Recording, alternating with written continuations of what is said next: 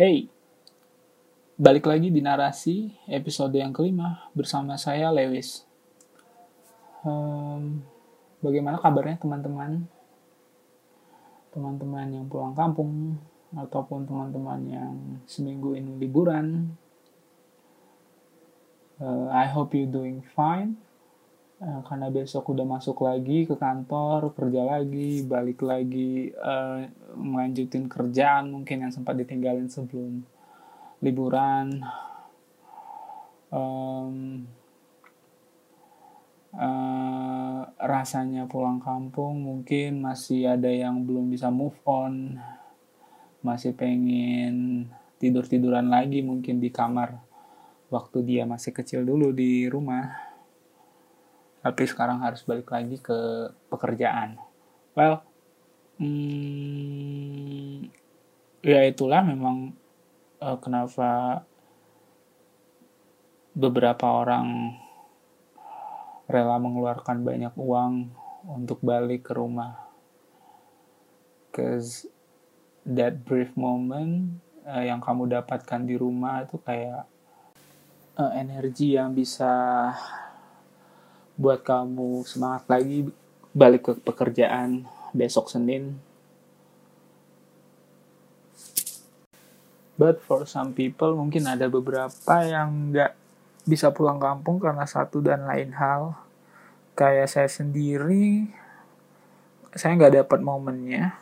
Jadi nggak semua keluarga inti bisa ngumpul. Hmm, ya, jadi maybe next time uh, uh, udah ngerencanain sih bakal liburan ke satu tempat uh, satu keluarga inti saya. Tapi ya yeah, uh, we'll see lah. Uh, let's talk about liburan. Um, seminggu ini saya cuman liburannya ke wisata Bunaken. That place is so freaking beautiful. Dari mulai hmm, apa pantainya um, suasana uh, apa daerah Bunaken itu sendiri. Bunaken itu uh, satu pulau yang ada di Sulawesi Utara eh, di Manado. Hmm, di mana ada penduduknya juga di situ yang mengelola uh, pariwisata uh, bawah airnya lah. So hmm, jadi ada dua paket perjalanan untuk menuju Bunaken. Satu, kamu bisa memilih yang open trip di mana banyak orang bisa ikut. Hmm, maksimal itu satu kapal yang pergi maybe 30 orang kalau nggak salah ya. Jadi eh, 30 orang di dalam satu kapal dan itu bisa ya dibagilah jadi rata-rata itu orang mungkin ngeluarin sekitar 250-an lah uh, untuk yang perjalanan paket open trip. Nanti untuk biaya di luar kapal kayak misalnya makan dan um, snorkeling atau diving itu ada biayanya sendiri lagi. Terus ada paket satu lagi yaitu private private trip di situ hmm, kamu nyewa satu kapal. Nggak ada batas minimumnya tapi maksimalnya 10 orang kalau nggak salah. Jadi hmm, untuk private trip ya biasanya sih untuk orang-orang yang berkeluarga atau yang memang ingin berbulan berbulan madu oh, kayaknya cocok deh untuk pakai itu. Ya kemudian saya sendiri itu um, pilih yang paket uh, private bersama keluarga jauh saya. Kemarin juga datang ke Manado. Ya udah jadi kayak liburan aja bareng di situ.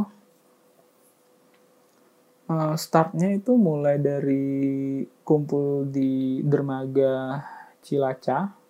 Calaca? Apa yang benar ya? Uh, wait. Calaca. Um, wait wait wait. Um, ya Calaca. Dermaga Calaca. Jadi di sana itu bakal dikumpulin semua orang yang akan pergi ke Bunaken yang open trip maupun private trip. Kemudian di situ nanti akan dilakukan sedikit briefing mengenai perjalanan ke Bunaken yang akan melalui uh, tiga tempat. Satu itu Pulau Bunaken sendiri, kedua kemudian Nain, um, terakhir nanti ke Siladen. Kemudian diberita di apa? Diberitahukan juga supaya melengkapi asuransi enggak data asuransi dari mm, jasa raharja gitu jadi kita cuma disuruh nulis nama um, alamat dan uh, kalau nggak salah nomor HP deh. Saya lupa. Kemudian setelah briefing uh, pokoknya satu kapal itu akan dipandu oleh satu orang tour guide uh, baik yang open trip maupun private trip. Um, biasanya mereka akan berangkat itu di jam-jam 8 pagi atau jam sekitar jam 8 jam 9 pagi. Start dari dermaga itu lanjut ke Bunaken dulu. Melalui kapal perjalanannya itu memakan waktu satu jam. Um, ya uh, along the way ya kalau yang private trip itu memang kayak uh, memang khusus banget sih jadi kayak uh, ya bisa dikatakan eksklusif. Jadi kondisinya itu uh, kondisi kapalnya juga ya kondusif lah karena kita sendiri yang ada di sana kan. Dan ternyata di kapal itu juga saya baru tahu sih dan baru pertama kali uh, ikut kapal yang ada kamar mandinya. Jadi ya karena memang perjalanannya itu bakal banyak di atas laut. Jadi memang ya it's a great idea lah to put uh, toilet lah di kapal. You know kalau misal misalnya ketika baju kita basah or maybe we want to take up a pee um, atau bahkan mabuk laut that just one freaking brilliant invention. uh, uh, kemudian ketika nanti nyampe di Bunaken, kita bisa belanja dulu di situ atau makan sarapan sore sarapan atau makan siang dulu di situ. Ganti baju juga di situ jadi kayak itu semacam tempat um, apa sih namanya? Um, turis camp turis lah. Uh, artinya kayak tempat kita kumpul dulu mempersiapkan diri sebelum nanti turun ke area snorkeling atau diving ya. Di sana makanannya standar sih. Cuman dan dan halal dan halal kalau di Bunakennya jadi kayak cuman disediain. Ada nasi campur ada mm, Indomie pop mie pastinya absolutely uh, minuman pisang goreng. Dan harganya juga ya standar lah menurut saya. Di situ juga uh, bakal banyak ditemui binatang anjing. So ya uh, people yang mungkin takut dengan binatang tersebut bisa mempersiapkan diri dulu sebelum menginjakkan kaki di Pulau Bunaken. Tapi yang paling saya yang paling membuat saya kagum dengan Pulau Bunaken ini trotoarnya itu sangat bersih dan pantai uh, sorry ya dermaganya itu memang sangat bersih gitu dari sampah-sampah turis atau penduduk yeah, that just one emang emang penduduknya di situ memang memang sangat memperhatikan lingkungan mungkin. Artinya memang biaya yang kita keluarkan kayak semacam uh, biaya kita ke toilet atau uh, biaya ya makan di situ memang kayak digunakan penduduknya buat memperindah tempat itu. Uh, sama sekali nggak ada sampah yang bisa ditemui di situ ya. Mungkin mungkin kalau saya ke belakang mungkin ada tapi nggak tahu sih. Tapi pada saat saya menginjakkan kaki di situ dan melihat sekeliling itu benar-benar tempat yang sangat bersih. Oke okay. kemudian setelah semua udah siap uh, saya kemarin cuma memilih paket snorkeling. Saudara saya uh, dia diving. Di situ ketika kita pilihnya uh, ada tambahan lagi ada ada pilihan ada tambahan pilihan lagi pada saat memilih snorkeling atau diving. Jadi kayak ketika kamu pengen ada yang memvideoin atau dokumentasiin itu bisa ada biaya tambahannya lagi. Saya lupa berapa maybe something like seratus ribu dua ratus ribu I don't know lupa. Uh, itu pakai GoPro. Saya rekomendasiin sewa aja. I mean like ya ngapain lagi gitu kalau misalnya kamu liburan tapi nggak ada dokumentasinya kan? Kecuali memang kamu ada GoPro sendiri sih atau drone sendiri it's okay. But for you uh, yang nggak punya ya mending sewa sih. Hasilnya juga bagus menurut saya hasil dokumentasinya. Oke setelah semua siap kami uh, langsung ke tempat snorkelingnya naik kapal lagi sekitar sekitar 30 menit mungkin. Uh, tempat area snorkeling.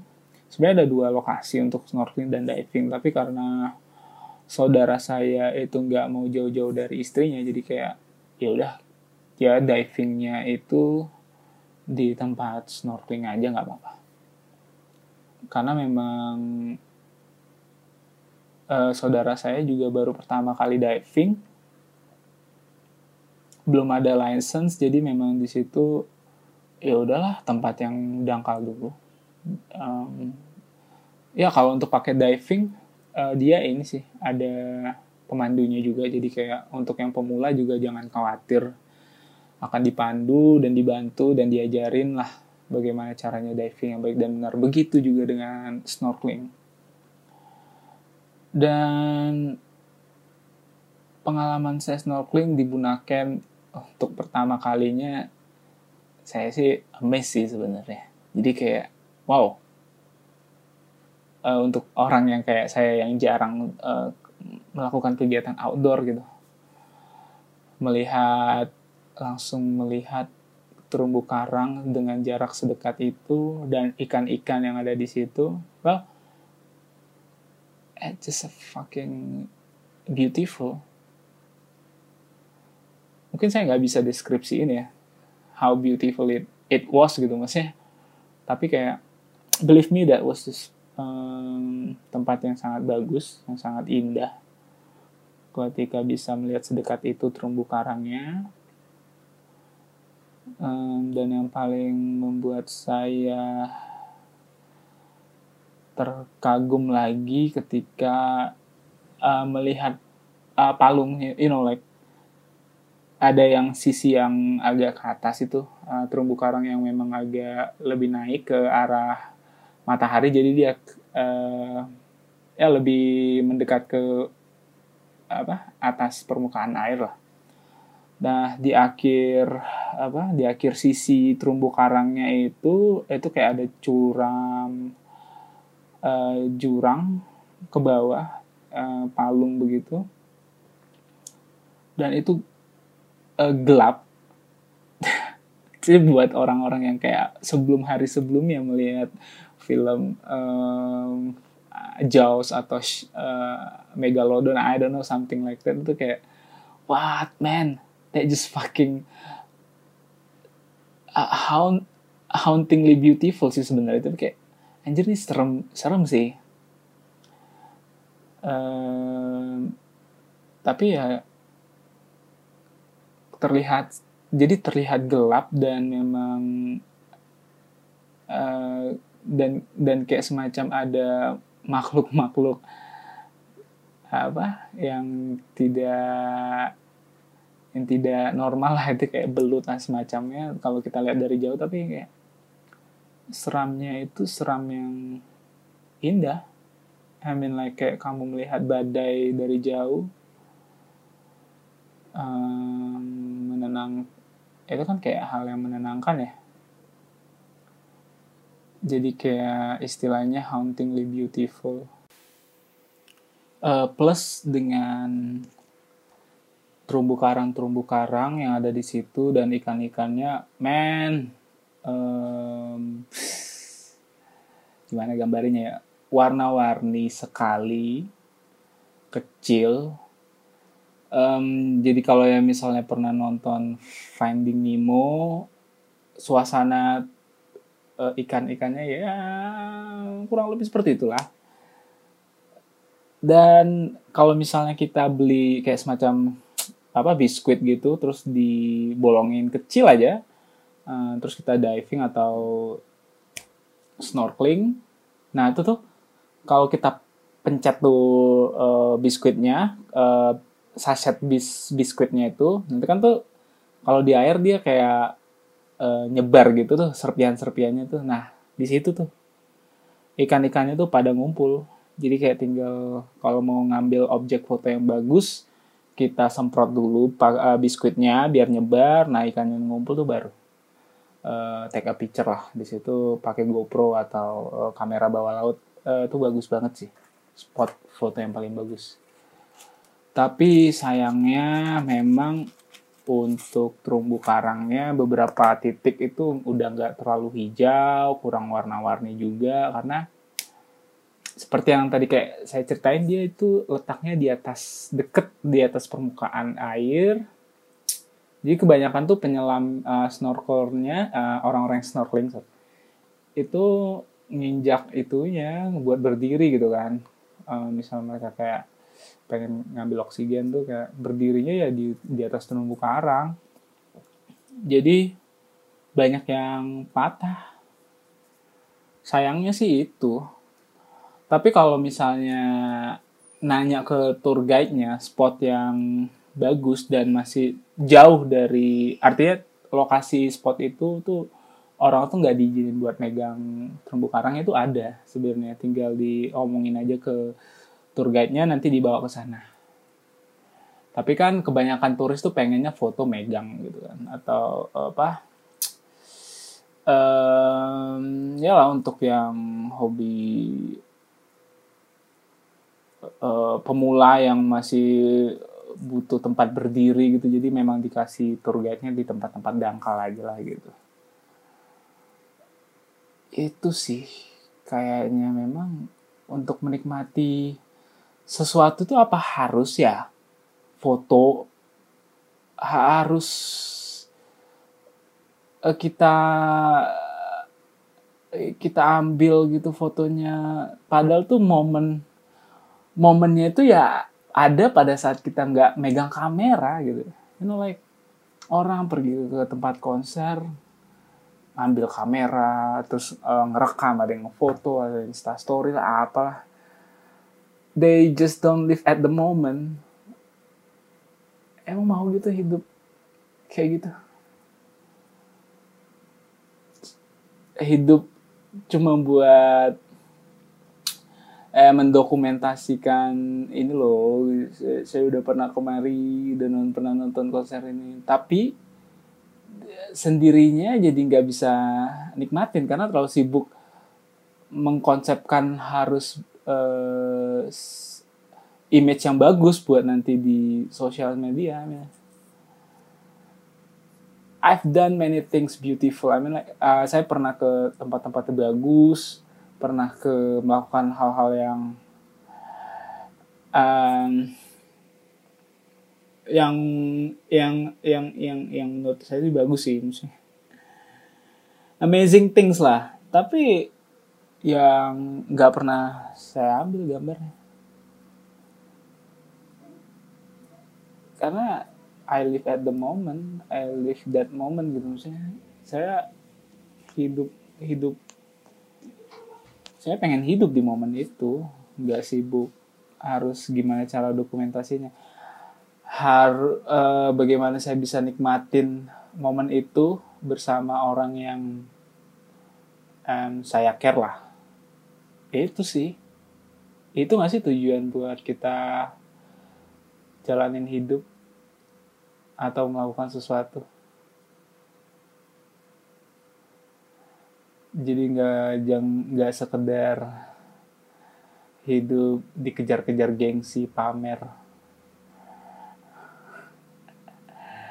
Ya saya paham gitu uh, beberapa orang. Uh, dengan um, liburan ke luar negeri I am I must take this uh, ngambil gambar story ini ini dan uh, saya ingin memperkenalkan negeri uh, tempat saya ini kepada follower saya dan menceritakannya betapa bagusnya tempat itu that just a fucking stupid things to do man. Saya aja kemarin jalan jalan-jalan tuh. Kebanyakan tempat yang saya jalanin tuh saya cuma bawa headset gitu. Jalan dengerin lagu kesukaan saya. Sambil nikmatin yang bener-bener yang saya pengen nikmatin. Di atas kapal di Bunaken juga men dengan angin yang uh, sepoi-sepoinya terus kayak suasana laut sepanjang mata memandang uh, dan ada juga lumba-lumbanya. Ya jadi di Bunaken tuh kalau misalnya kalian beruntung tuh bisa lihat lumba-lumba uh, lompat-lompatan gitulah di air. Dan dengerin lagu uh, lagu favorit saya kayak. Kisah dari selatan Jakarta itu memang saya akuin itu lagu favorit dari sepanjang masa sih. Kayak kenikmatannya itu jauh lebih lebih nikmat dari ya apa pun lah menurut saya ya. Dengerin lagu di tempat di momen yang uh, sesuai momen yang kita inginkan dengerin lagu yang pas dan momen yang pas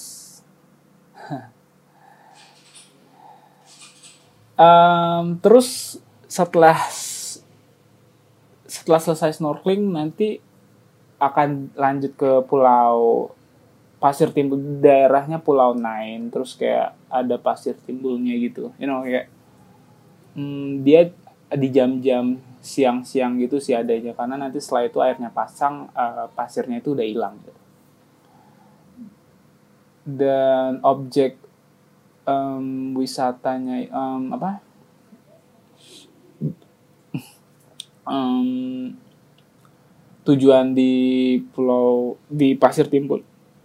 Timbul itu cuma foto sih ya objek foto yang bagus. Um, cocok buat prawedding atau semacam kind of that lah. Dia ada bayangin bayangin di sekitarmu tuh laut dan kamu tuh berdiri di bawah uh, di atas satu buah gundukan pasir. Pasir putih banget. Oke? Okay? lautnya bayangin tuh warna biru ya bening ya? Bening warna biru. Kayak bayangin. Dan tuh pasirnya putih. Uh, mungkin diameternya pasirnya itu sekitar hmm, lim sepuluh dua puluh eh, dua puluh meteran lah gitu bener-bener kalau di uh, di saya gambarkan tuh bener-bener suasana eksklusif buat buat kamu memang bener-bener menikmati keindahan alam Sulawesi Utara. karena di situ kamu bisa melihat uh, terumbu karang. Yeah, benar-benar ini karena memang lautnya di situ dangkal dan uh, jernih. Jadi kayak bisa melihat terum beberapa terumbu karang. Uh, uh, Pulau Nine itu sendiri. Uh, terus memang benar-benar sepanjang mata memandang tuh ya laut itu tadi yang bening itu tadi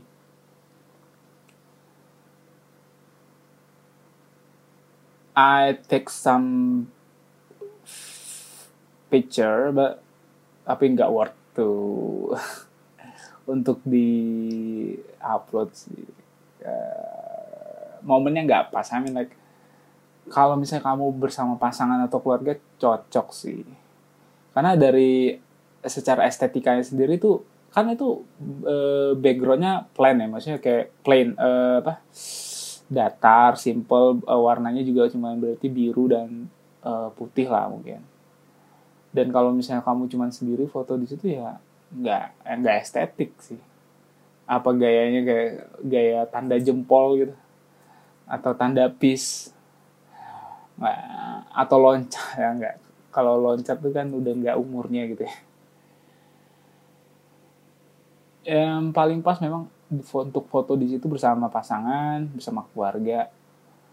Saya cuman upload fotonya itu di Instagram di uh, pasir timbul itu gambarnya ada boat kapal buat apa nelayan kapal kecil nelayan gitu dengan backgroundnya ya laut dan pasir itu.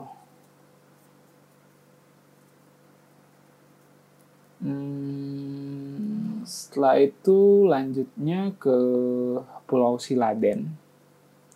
Jadi itu memang satu pulau itu yang punya adalah satu orang. Saya nggak tahu dia pensiunan apa, tapi dia tinggal di situ. Dia beli semua uh, dia beli tanah di seluruh ya di satu pulau itu tanah dia gitu ketika orang pengen bikin sesuatu ya jadinya sewa tanah bukan izin mendirikan bangunan um, terus di situ wisatanya cuma nikmatin sunset dengan ada restorannya juga di situ. Men. Men men. Di situ ada pisang goreng. Terus apa istimewanya pisang goreng ini Lewis? Uh, jadi pisang goreng ini saya nggak tahu dikasih apa bumbu apa saya nggak tahu. That just the best fried pisang goreng apa apa bahasa Inggrisnya pisang goreng? Sebentar uh, Indonesian pisang goreng. Eh fried bananas. Ya oke okay lah. Pokoknya pisang goreng yang paling enak yang pernah saya makan di situ. Nggak tahu dikasih bumbu apa. Uh, I mean like saya pernah ke di, di Medan di Jakarta Bandung Jogja Kalimantan pernah saya kunjungin uh, Bali Surabaya, Malang, I mean like beberapa banyak tempat yang saya pernah kunjungi dan cobain pisang gorengnya. Di situ adalah pisang goreng yang paling enak.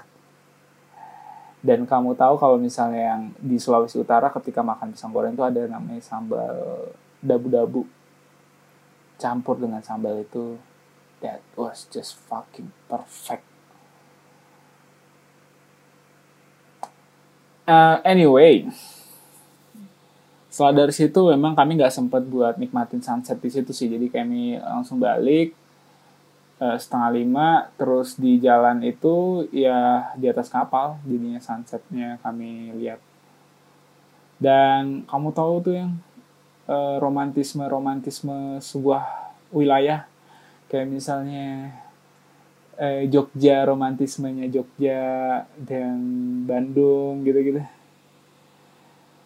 Jogja terkenal dengan um, semboyan apanya tuh? Jogja uh, something everything uh, in the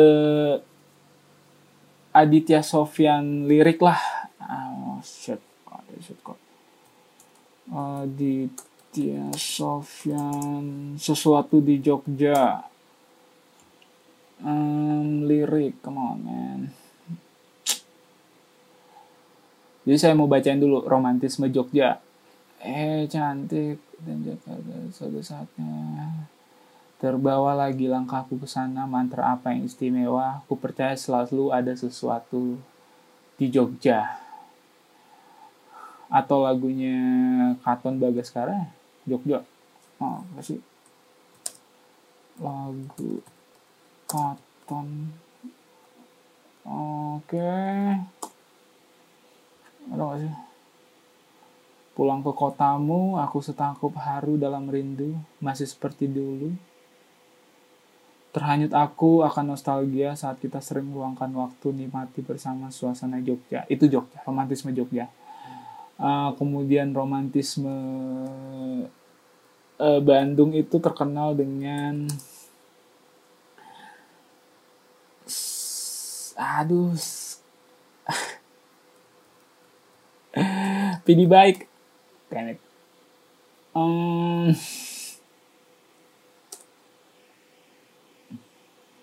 um,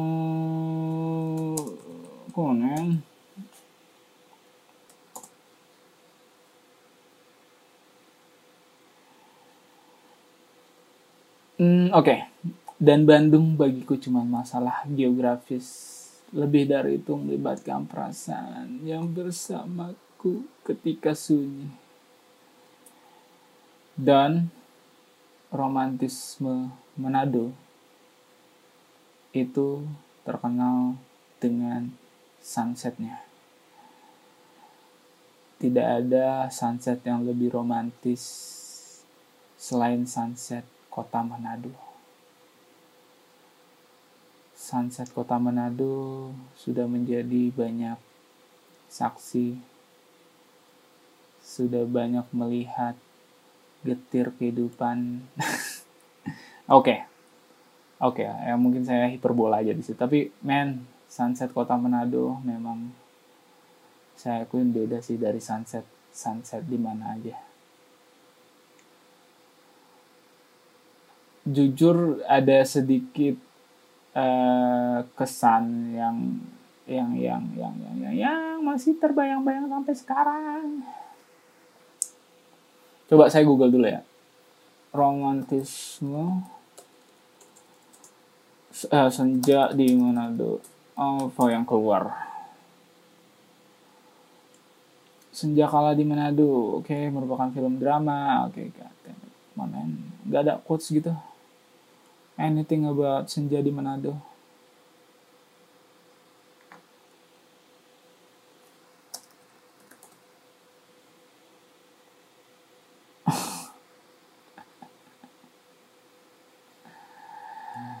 ya gitulah buat anak-anak yang indie, anak-anak indie ingin menikmati senja yang terbaik yang pernah dirasakan seorang anak indie. Cobalah datang ke Manado senjanya memang benar-benar uh, beda. Lontar deh lain kali saya pengen nyari ada nggak sih quote tentang senja di Manado?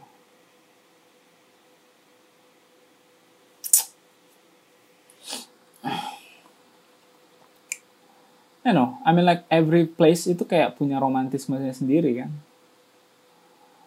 every uh, city atau ya setiap kota lah. Harus ada sih romantisme romantismenya. Karena kalau nggak ada kesan romantis yang diangkat di kota itu orang-orang lah lovers itu nggak bakal tercipta di kota itu. Fuck. Um, kemudian uh, anyway by the way. Setelah itu uh, saya ke oh ya kemarin ini sih nontonnya film kakak kelas saya. Dia sebagai sutradaranya. Sebagai sutradara itu film perdananya dia yang berjudul Ghost Writer. That's the best comedy this year as far as I concern.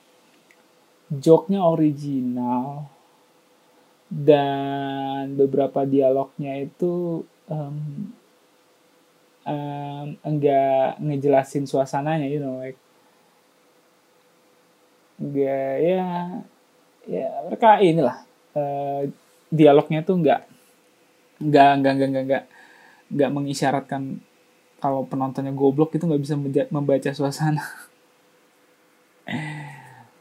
Kemudian yang paling saya senang sih joke-nya itu dan mungkin kita harus akuin joke yang paling lucu pada saat scene temennya adiknya itu berak sih di rumah.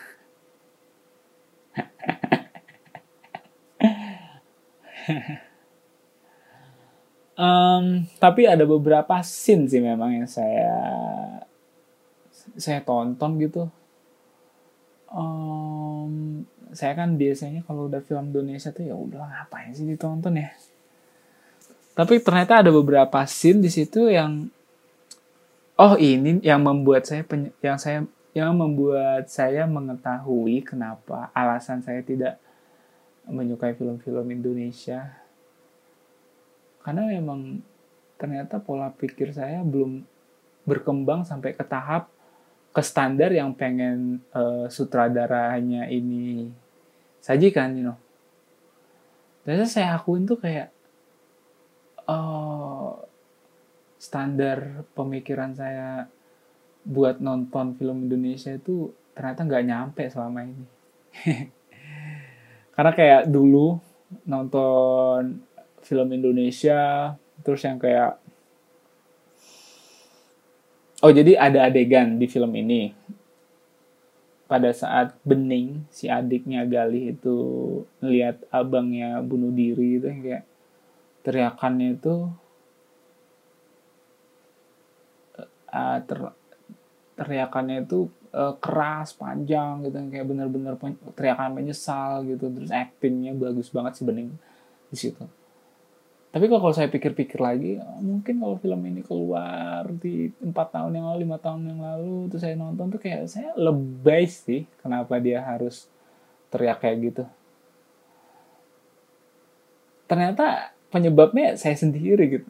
Standar saya ternyata nggak cukup nggak belum bisa memahami tentang apa yang pengen di uh, apa di uh, diberikan oleh sutradaranya ini atau uh, pembuat film ini. Ternyata di situ tuh abangnya yang dia cintain itu eh sorry bukan cintai that's the, that's the bad uh, apa a bad example of word choosing. Uh, uh, pemilihan kata yang buruk. Apa yang dia sayangin itu bunuh diri di depan dia gitu. Uh, dan saya coba tempatkan diri saya di posisinya bening hmm, that's uh, mungkin tuh akurat. Terus kayak ada beberapa joke yang memang menurut saya kalau misalnya saya eh, apa tonton di saat saya masih muda itu yang kayak ofensif gitu-gitu. Sih nggak saya nggak nggak bakal bisa terima gitu. Kayak ada joke tuh adegan si satpam tuh ngambil duit di celana. Men di era yang sensitif ini terus uh, mereka ngeluarin joke masturbasi seperti itu. Tuh satu berani dan kayak genius lah original. Saya belum pernah sih ketemu joke yang kayak gitu. Terus uh, uh, eh saya senang aja sih. Ada seorang seniman film yang berani gitu. Di saat suasana tau lah ya suasana lagi kayak gini terus mengeluarin joke. Ya bisa dibilang ini gak sih? Uh, ya, cabul gitu. Um,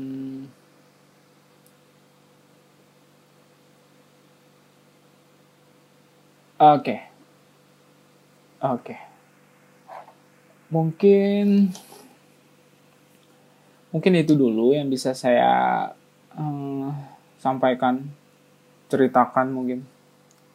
Karena saya mesti jemput bos saya di bandara juga. Ah goddammit lah. Ini nih ya kalau misalnya kita ngebantu sekali gitu kita mau bantu orang gitu buat jemput sekali itu. Dia bakal minta tolong lagi men. Kayak anak kucing yang tau gak sih? Yang kalau kita ngasih makan tuh bakal ngikutin kamu terus. Hmm.